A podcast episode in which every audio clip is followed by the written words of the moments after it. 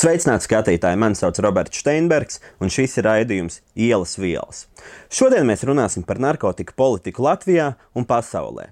Vai aizliegums ir vienīgais veids, kā regulēt vielas, vai pastāv kādas alternatīvas? Šodien ar mums būs īpašs viesis no Lielbritānijas. Jāpiebilst, ka uz raidījumu bija aicināti arī valsts policijas pārstāvi, taču viņi uz šo raidījumu nevarēja ierasties. Lūdzu, viesi vizītkarti. Nils Vuds, bijušais policists no Lielbritānijas. 14 gadus strādājis kā slepeni policists, iefiltrējoties bīstamākajos narkotirgoņu grupējumos. Vairāk kā dekādi riskējis ar savu dzīvību, lai aizturētu narkotiku izplatītājus. Pēc darba policijā uzrakstījis divas grāmatas, kur pastāstīja par savu pieredzi un novērojumiem darbojoties aizkadrā. Šobrīd darbojas nevalstiskajā sektorā, ir valdes loceklis organizācijā Līpa. Šī organizācija apvieno tiesību sargājošo iestāžu darbiniekus no visas pasaules, kas iestājas par narkotiku politikas mājiņu. Narkotika aizlieguma politika, ko dēvē arī par karu pret narkotikām, aizsākās pirms vairāk kā 50 gadiem. Tolaik ASV prezidents Ričards Niksons publiski paziņoja, ka ASV lielākais ienaidnieks ir narkotikas. Piedāvātais risinājums - pilnīgs aizliegums jeb narkotiku kriminalizācija sākās nebijušu mēroga spēcoperācijas, kur mērķi bija ne tikai tirgotāji vai izgatavotāji, bet arī lietotāji. Neskatoties uz pūlēm, arī pēc vairākiem desmitiem gadu ASV narkotiku izraisītās nāves un lietotāju skaits nesamazinās. Arī Latvijā par narkotiku pārkāpumiem, tostarp lietošanu, paredzēta krimināla atbildība, kas var novest pie reāla cietumsoda. Praksa rāda, ka Latvijā par pirmo narkotiku pārkāpumu nereti piemēro administratīvo sodu, bet, ja cilvēku ar narkotikām pieķer divreiz gadu laikā, tā ir krimināla atbildība. Šāda praksa var likt pārdomāt savus paradumus kādam dīlerim, pusaudzim vai kādam, kurš nelieto problemātiski. Taču vislielākie riski nokļūt cietumā ir problemātiskajiem lietotājiem. For 14 years you were participating in war on drugs. What made you change your mind? Well, I was working on the front lines of this war on drugs, as, as we call it. I was working undercover, so I was infiltrating some of Britain's most dangerous drug gangs. So I essentially caught drug dealers for a living for a, for a very long time. I suppose I was a bit slow and I was quite resistant to the evidence before my eyes. Um, but eventually I had to face facts that everything I was doing was only causing harm it was causing harm to individuals who needed help, who had a problem with drugs. It was causing harm to communities which were always becoming more violent as a result of the policing activity. And also causing damage to society because this drug prohibition actually rots away at the core of, of society. It rots away the criminal justice system, the police, and everything, really.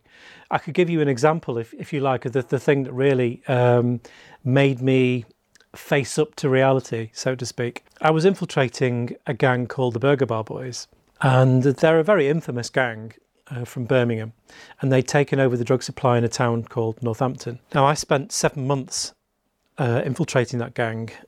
When I first met them, they interrogated me and were assaulting me. While they were interrogating me, I was getting headbutted on the side of the head, and um, I really thought I was I wasn't going to walk out of there in one piece because they had very brutal reputations. The head of that particular uh, wing of the gang was implicated in seven different murders. He'd, he'd uh, per, he supplied the submachine guns for some very infamous murders in the UK. Very, very dangerous gang. I, every single day of that operation, I was convinced that I was I was in serious danger of being murdered. Once they stripped me at gunpoint because they suspected that I was carrying a wire. But eventually, I was really pleased because I'd got evidence against the six main gangsters plus 90 other people. So there's 96 people to be arrested. There was police brought in from all of the surrounding police forces. There were hundreds of cops involved. And afterwards, uh, the intelligence uh, officer who was tasked with keeping his ear to the ground to hear about the impact of this huge operation and he spoke to me after the dust had settled and he said, Yep, we managed to interrupt the drug supply for a full two hours. Seven months of work and being quite convinced I was going to die on multiple occasions. I mean, the, the harm that's, that, that's caused to me. You know, I'm diagnosed now with chronic PTSD, post traumatic stress disorder, all of the expense that went into that, all of the vulnerable people that I had to manipulate and cause harm to as well, for the sake of interrupting the drug supply for two hours. Now, don't get me wrong, of course, those people, those six gangsters, were dangerous people. And you could claim that society is safer because they were put in prison. However, why are they dangerous people? Why? Now, I can't say for certain that the Burger Bar Boys' infamous rivals, called the Johnson Crew, were the gang that took up that opportunity and stepped into the void that we'd created. But you can sort of picture the scene, can't you? You can imagine the rival gang hearing the news. Wow, boys, put the call in. We're going to make a fortune. Guess what the cops have done for us? They've locked up some of the Burger Bar boys. So you can imagine the scene. And that scene actually is what happens everywhere, all over the world, wherever the police have a success, as we can loosely call it, a success in the drugs market a gap is created. And more often than not, violence increases. And because those gangs compete to make that the huge amount of money from that opportunity, it means that drugs policing, such as the kind of activity I used to do, or any kind of drugs policing, it sharpens the sword of organised crime. It makes them more efficient, it makes them more brutal. Because the weakest get caught and the most brutal are the ones that survive because they can intimidate communities, they can corrupt the police. Which means that, okay, we put some people in prison, but it is this system that created them. I remember buying heroin from a young man in Leicester in the early 2000s. And he was 16 when I met him. And he was actually quite a nice young man. He was good fun. He made me laugh.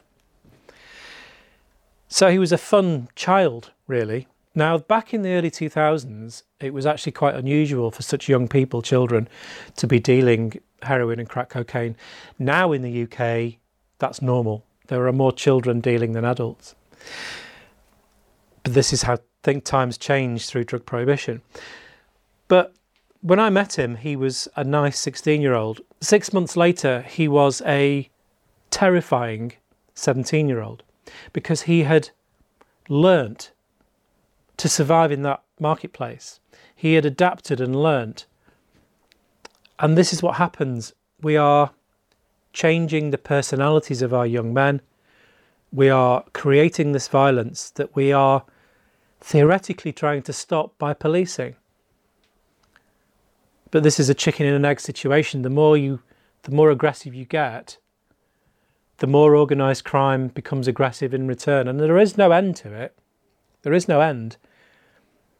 And I don't know if you're aware, in this region, there's a, um, a very stark example of how far it can go, uh, and that's in Sweden. Because Sweden has the most aggressive drug policy in in in the democratic side of Europe. They arrest twice as many people for drugs as the next closest state in Europe. And as a result of that aggressive policing, they now have massive drug gang wars. They have daily shootings, daily explosions hand grenades and other explosive devices being used between warring gangs. And this is only because of the constant instability and aggression of the state, of the policing. And you can see it all over the world, all over the world. The more aggressive the policing, the more violence, the more health based approach, crime goes down. From what are you saying, it sounds like anything that police does to prevent drugs getting into our streets, the worse it gets anyway. Anything they do. Absolutely. Now, you know, some people listening to this might find that hard to believe. And of course, they find it hard to believe because every day we see on the news, well, not every day, but on social media or in the news or in the newspapers, the police will show us uh, their seizures of drugs. And the public sees these big pile of drugs and they think, wow, the current system must be working because look at that big pile of drugs. That, big pile of drugs must mean that the current system works. Because look how busy the police have been, look how hard they work. Well, yes, the police do work really hard on fighting drugs. They do. They're good at it. They are really, really good at it. They're really good at catching drug dealers. They are. But that's part of the problem. Nothing they do ever reduces the size of the market. And that's not just in Sweden or here in Latvia or in the UK.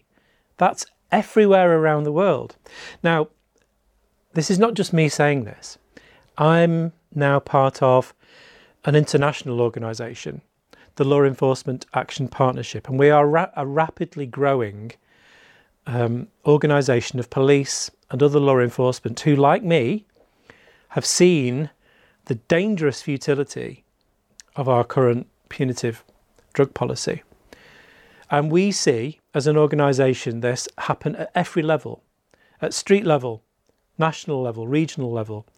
We see it in the, the jungles of Latin America, the streets of Stockholm, the streets of London, wherever the police, wherever police have what is normally presented as success, more often than not, violence goes up. That's the basic truth of drugs policing everywhere in the world. And not only does violence go up, but corruption goes up.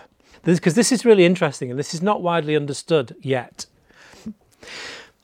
if police catch a drug dealer which controls uh, the sale of one commodity, say heroin, in a quarter of the city, say a quarter of Riga, the gang or kingpin character that is most likely or most able to take up that opportunity that the police create is a gang or kingpin character that controls another quarter of the city. So, what the police do is they create an opportunity for someone to expand their share of the market. And that is what happens. They either grow a monopoly, so they increase their share, or cooperatives form. But it means the same thing. It means that one gang or kingpin character has an increased share of the, of the business, which means they have more disposable income. They've got more money to spend. And organised crime will always, and I mean always, invest their disposable income in corruption. Because corruption is, is what makes uh, the drug business, the business model, more efficient, more effective. It means that they have a greater chance of surviving, they're less likely to get caught because they have spies on the inside. And again, this is a model, a business model of drug prohibition, which is replicated everywhere in the world, everywhere you cannot defend against corruption from the illicit drugs market. You can't. You can't. Uh, one uh, particular example I would point you to is in Mexico. There used to be 20 cartels in Mexico, and now there are three. Those three cartels now have a greater GDP than most West African countries.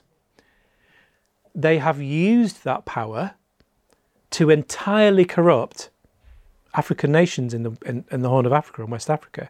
So Guinea, Guinea-Bissau, Senegal, these are now narco states completely, which means they don't have good governance, so they can't fight climate change. They can't stop deforestation because they are controlled by cartels that only have one aim, and that is to make money from the trade routes of, it, of, of narcotics. Do they corrupt police as well? Absolutely. The most important corruption for organised crime is corrupting police. I have come across this corruption. I've come face to face to it. The, the, the, closest I came to it, and it, it, it could have got me killed. I've been um, I'd been working to infiltrate or try to infiltrate um, a gang called the Bestwood, Bestwood Cartel. I didn't get really anywhere near there in a circle. I was nibbling away at the edges. But after four and a half months of this operation, I got an introduction to to one of their core drug dealers, and he interrogated me with a knife pressed into my groin, which I can assure you is most uncomfortable. it's quite off-putting. Um, just one scary moment among, amongst many in that operation, really. But the next day, um, when you've been running on adrenaline and you've been working undercover for, for many, many weeks, as you'll know this, uh, your senses are really fine tuned. You're really, your instincts are fired up. And that next day, two of my backup team had gone off sick. So I was introduced to two new police officers. The first one, I shook his hand. I had no problem with him. The second one, I shook his hand and the hairs went up on the back of my neck. Just instinctively, I knew this guy couldn't be trusted. So I went to the senior officer running the operation. I said, Boss, there's no way I'm going out knowing this guy knows anything about me. There's no way. I can't do it. And he was great. He said, fine, we'll just exclude them both. We'll run short-handed. And he, he's never been in the briefing. He'll never know what you were doing. So I was reassured. I was happy. Didn't think much more of it. And then, but then a year later, when the Bestwood cartel were brought down by Nottinghamshire Constabulary, it turned out that the, the cop I'd taken exception to, I was suspicious of, was an employee of the gangster Colin Gunn, who ran the Bestwood cartel. And he'd been in the police for seven years. He was paid £2,000 a month for uh, on top of his police wages, plus bonuses for good information. Now, the key thing here is that he was paid to join the police. He wasn't corrupted when he was in there, he was paid to join the police. And of all the senior police I've spoken to after this have said to me, look, we know this happens. Of course, this happens. With this much money involved, how can this not happen? How can it not happen? And I have to make something very clear here because people think corruption, crime. No, it's not any crime that causes corruption, it's drug crime. Because there isn't enough money, value in any other kind of crime to pay for that level of corruption. There isn't. And also, there isn't the monopolising uh, mechanism that policing causes, which leads to the corruption. So, this corruption within police is a drug policy problem, it's not anything else. And besides, all of the crime that organised crime do is made possible because of the reinvestment from the vast sums of money in the drug market anyway. Because any, we all know if you want to start a business, you need investment. And the drug market is the investment bank for everything from people trafficking to counterfeiting, everything. Last year, I asked local police uh, have they catched any corrupt police from Latvia in the last 10 years. They answered no. Is it suspicious for you? of course it is. Absolutely. Um, I remember. I remember. Now that's no disrespect to the majority of hardworking and honest cops in Latvia, because almost all of them will be hardworking and honest. But there will be corrupt cops amongst them because that's how organised crime works, and you can't defeat it. You can't defend against it. You can't. I remember debating this with a with a police officer in Norway, in I think early 2017. And I explained about the mechanisms of corruption. I was trying to engage the audience and explain to them this. And this cop just looked at me and said, Yeah, that's fine, but we're not as corrupt as you are in the UK. We don't have this problem in Norway. Less than six months later, the head of the Oslo drug squad was arrested for being part of, a key part of, an international organised crime group who was organising the importation of drugs into Norway. Now, okay, I suppose I had the last laugh on that particular debate, you know. Um, but just because he was caught, it, that's not an indication that Norway is more corrupt than Latvia. It isn't, because this isn't about the resilience of any nation over another one. It's not. This is not something you can defend against. This is international. This is transnational organised crime. It's the fourth biggest business in the world. It's bigger than textiles. You can't you can't defend against that with your with criminal justice institutions. You can't. Pārējiem uz nākamo sižetu skatāmies. Pagājušā gadsimta 90. gados Portugālē bija narkotiku krīze. Īpaši augsts bija opioīdu lietotāju skaits. Populārākais opioīds - heroīns. Lai arī Portugāles valdība apkaroja narkotikas, cilvēki tās turpināja lietot. 2001. gadā tika pieņemts drosmīgs lēmums - dekriminalizēt visas vielas. Naudu, ko iekonomēja no narkotika apkarošanas, pārvirzīja lietotāju ārstēšanai un kaitējumu mazināšanas pasākumiem. Narkotiku dekriminalizācija visbiežāk izskan vielu lietošanas kontekstā. Narkotikas joprojām ir nelegāls, bet ja lietotāji pieķer ar nelielu daudzumu vielu, viņam nepiemēro krimināla atbildība. Tirgotājiem joprojām ir krimināla atbildība, lietotājiem iespējams uzlikt administratīvo sodu. Savukārt kaitējuma mazināšanas pasākumu mērķis ir mazināt kaitējumu lietotāja veselībai vai novērst pārdozēšanu. Kaitējumu mazina piemēram apmainot šķirces, piedāvājot anonīmu narkotiku testēšanu vai informējot lietotāju par to, kā vielas lietot mazāk riskanti. Svarīgi atcerēties, ka nav tāda lieta kā droša narkotiku lietošana, taču ir iespējams riskus mazināt. Portugāles gadījumā narkotiku politikas maiņa nostrādāja, un to apliecina skaitļi. Salīdzinot datus pirms un pēc vielu dekriminalizācijas, redzams, ka pārdozēšanas gadījumu samazinājās par 12 reizēm, jaunas HIV diagnozes bija 50 reizes mazāk, un par narkotiku pārkāpumiem cietumos atradās trīs reizes mazāk ieslodzīto. There's an opinion that if drugs were not illegal, many people would use it. Isn't that a bad thing? Now, the war on drugs, the aim of the political aim of international drug prohibition is to create a drug free world. That was the aim. Well, let's just review if there's been any success with that. Well, drug deaths have never been higher. This particular region here suffers very poorly from drug deaths. Drugs have never been more available, they've never been stronger, and they've never been cheaper. Uh, a deal of heroin costs the same here in Latvia, like it does the same in the UK as it did in 1991. The same.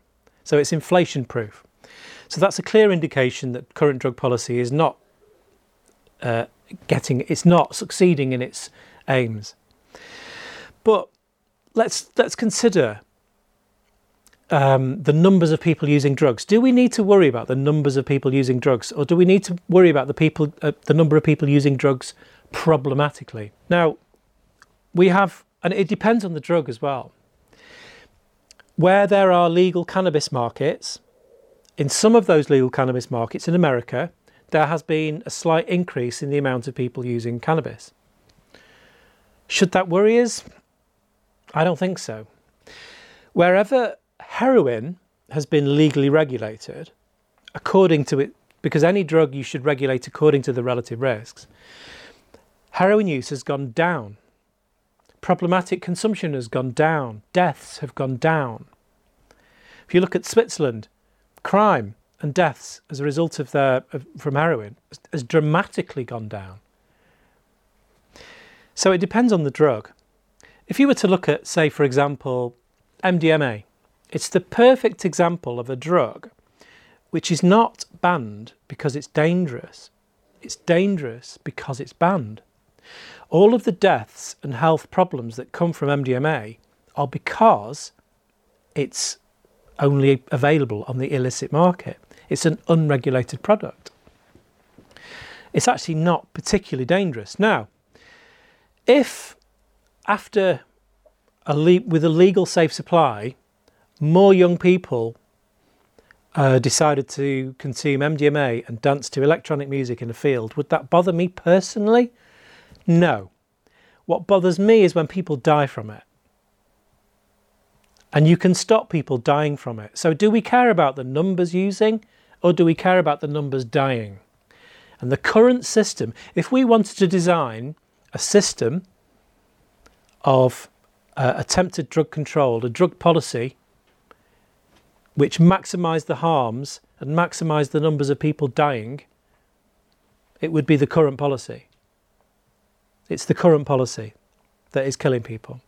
And about harm reduction, I have heard an opinion that uh, it's also encouraging people to use drugs. Well, that's a nonsense. It doesn't at all. What it does is encourage people to stay alive and encourage people to stay safe. And as a parent and someone who cares about the health, health of our society, I want people to stay safe and I want people to stay alive. I would rather my children didn't take most illicit drugs, most drugs. But if they did choose to, I want them to come home. I want them to live. Which means harm reduction is just a pragmatic, sensible approach. And harm reduction comes in other in all sorts of shapes. Now, if someone is using um, and, and also harm reduction doesn't just save lives and benefit individuals, it also benefits society. Because people who are using drugs problematically and injecting, if they're injecting heroin, if they are not given safe, clean syringes, if they're not given other tools to make their uh, drug taking safer, then then bloodborne viruses increase. Then you start having HIV, you start having hepatitis C. Now, if hepatitis C and HIV rises, that is an enormous cost to society it's actually those two things are well hiv is one of the most expensive things for any health service to pay for. It's an enormous drain on society. So if you can keep people as safe as possible you are benefiting all of society. Even if you don't care about these people i do care. I do care about traumatized people who are using drugs problem- problematically. But even if you don't then you can save an enormous amount of money by taking care of them I, I shudder to think of how much it costs in, in Russia because Russia has made uh, needle exchanges illegal. Any harm reduction they have, it's illegal. Their HIV rates, when you can get any information about what's happening in Russia, they are through the roof. And you know that just HIV will just keep growing and growing if you don't get a grip on it. Par kaitējumu mazināšanas pasākumiem mēs runāsim nākamajā sērijā. Trešo sižetu. Arvien biežāk mēdījos izskan ziņas par narkotiku regulēšanu, jeb legalizēšanu. Tās rezultātā viela ir legāli pieejama, tirdzniecība uzraudzīta, nodokļi samaksāti, produktu kvalitāte pārbaudīta. Par legalizāciju visbiežāk tiek runāts divos kontekstos - legalizācija medicīniskiem nolūkiem un izklaides nolūkiem. Galvenā atšķirība - medicīniskās legalizācijas gadījumā pircējs var iegādāties vielu, ja tam ir izrakstīta ārsta recepte Savukārt legalizācija izklaides nolūkiem šo produktu piedāvā plašākam cilvēku lokam. Vielas var iegādāties cilvēki, kas sasnieguši noteiktu vecumu.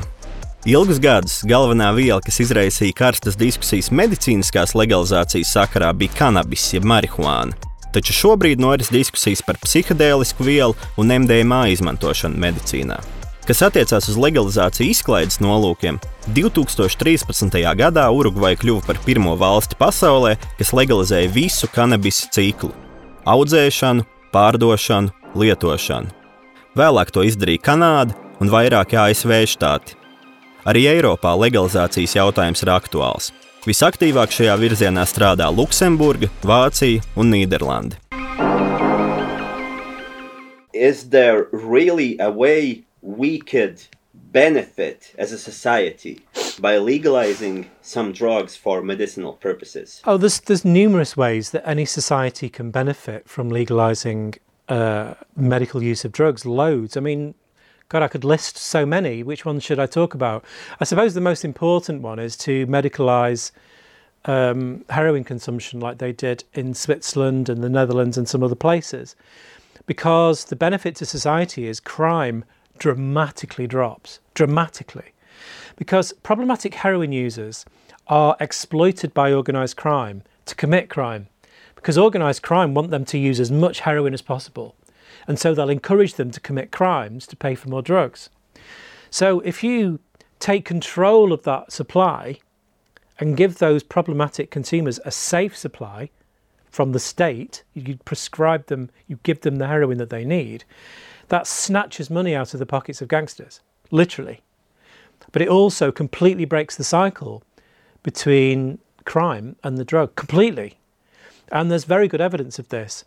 In the United Kingdom, we used to prescribe heroin right up until the end of the 1960s, but pressure from the United States stopped that.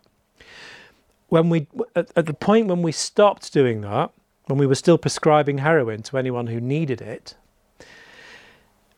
there was only 1,046 people using heroin in the UK. Less than 20 years later, around 15 years later, there were 300,000. And we had an absolute crime epidemic. It's a very clear cause and effect there. Now, if you look at that in reverse, uh, Switzerland had one of the worst crime rates related to heroin in Europe. They had huge death rates. They had public injecting in parks. So they used British evidence. We'd gone the wrong way, but they used British evidence to form a policy. And since 1994, they've been giving medical heroin to people who, need it. Their burglaries dropped 50%. They don't have a heroin problem anymore. They just don't have a problem because they took control. So that's one example, but there are lots of examples. Now, medical cannabis has been shown to be useful for huge numbers of conditions, which are actually much more cost effective than many traditional treatments. If you look at the emerging and exciting evidence around psychedelics, the use of psychedelics is looking like it's going to be cause a revolution in mental health care. A revolution. Now, speaking as someone who suffers from PTSD, I can have some horrible days, horrible weeks suffering from my condition. This is this is exciting because uh, things like psilocybin are shown now to potentially be much more effective than any treatment that's currently available. MDMA is another one. You know, people think of MDMA as just being a dance drug. It's it's not. It was originally developed as a therapeutic uh, drug, and is now going through trials in America for for PTSD. Now, if you consider also, obviously, there's societal benefit because people can be made well and they can um, save on costs of, of more expensive treatments. But also, this is a business revolution that's starting to happen around the world, both for medical cannabis and medical psychedelics. And wise nations should be getting their regulations in place ready for that opportunity.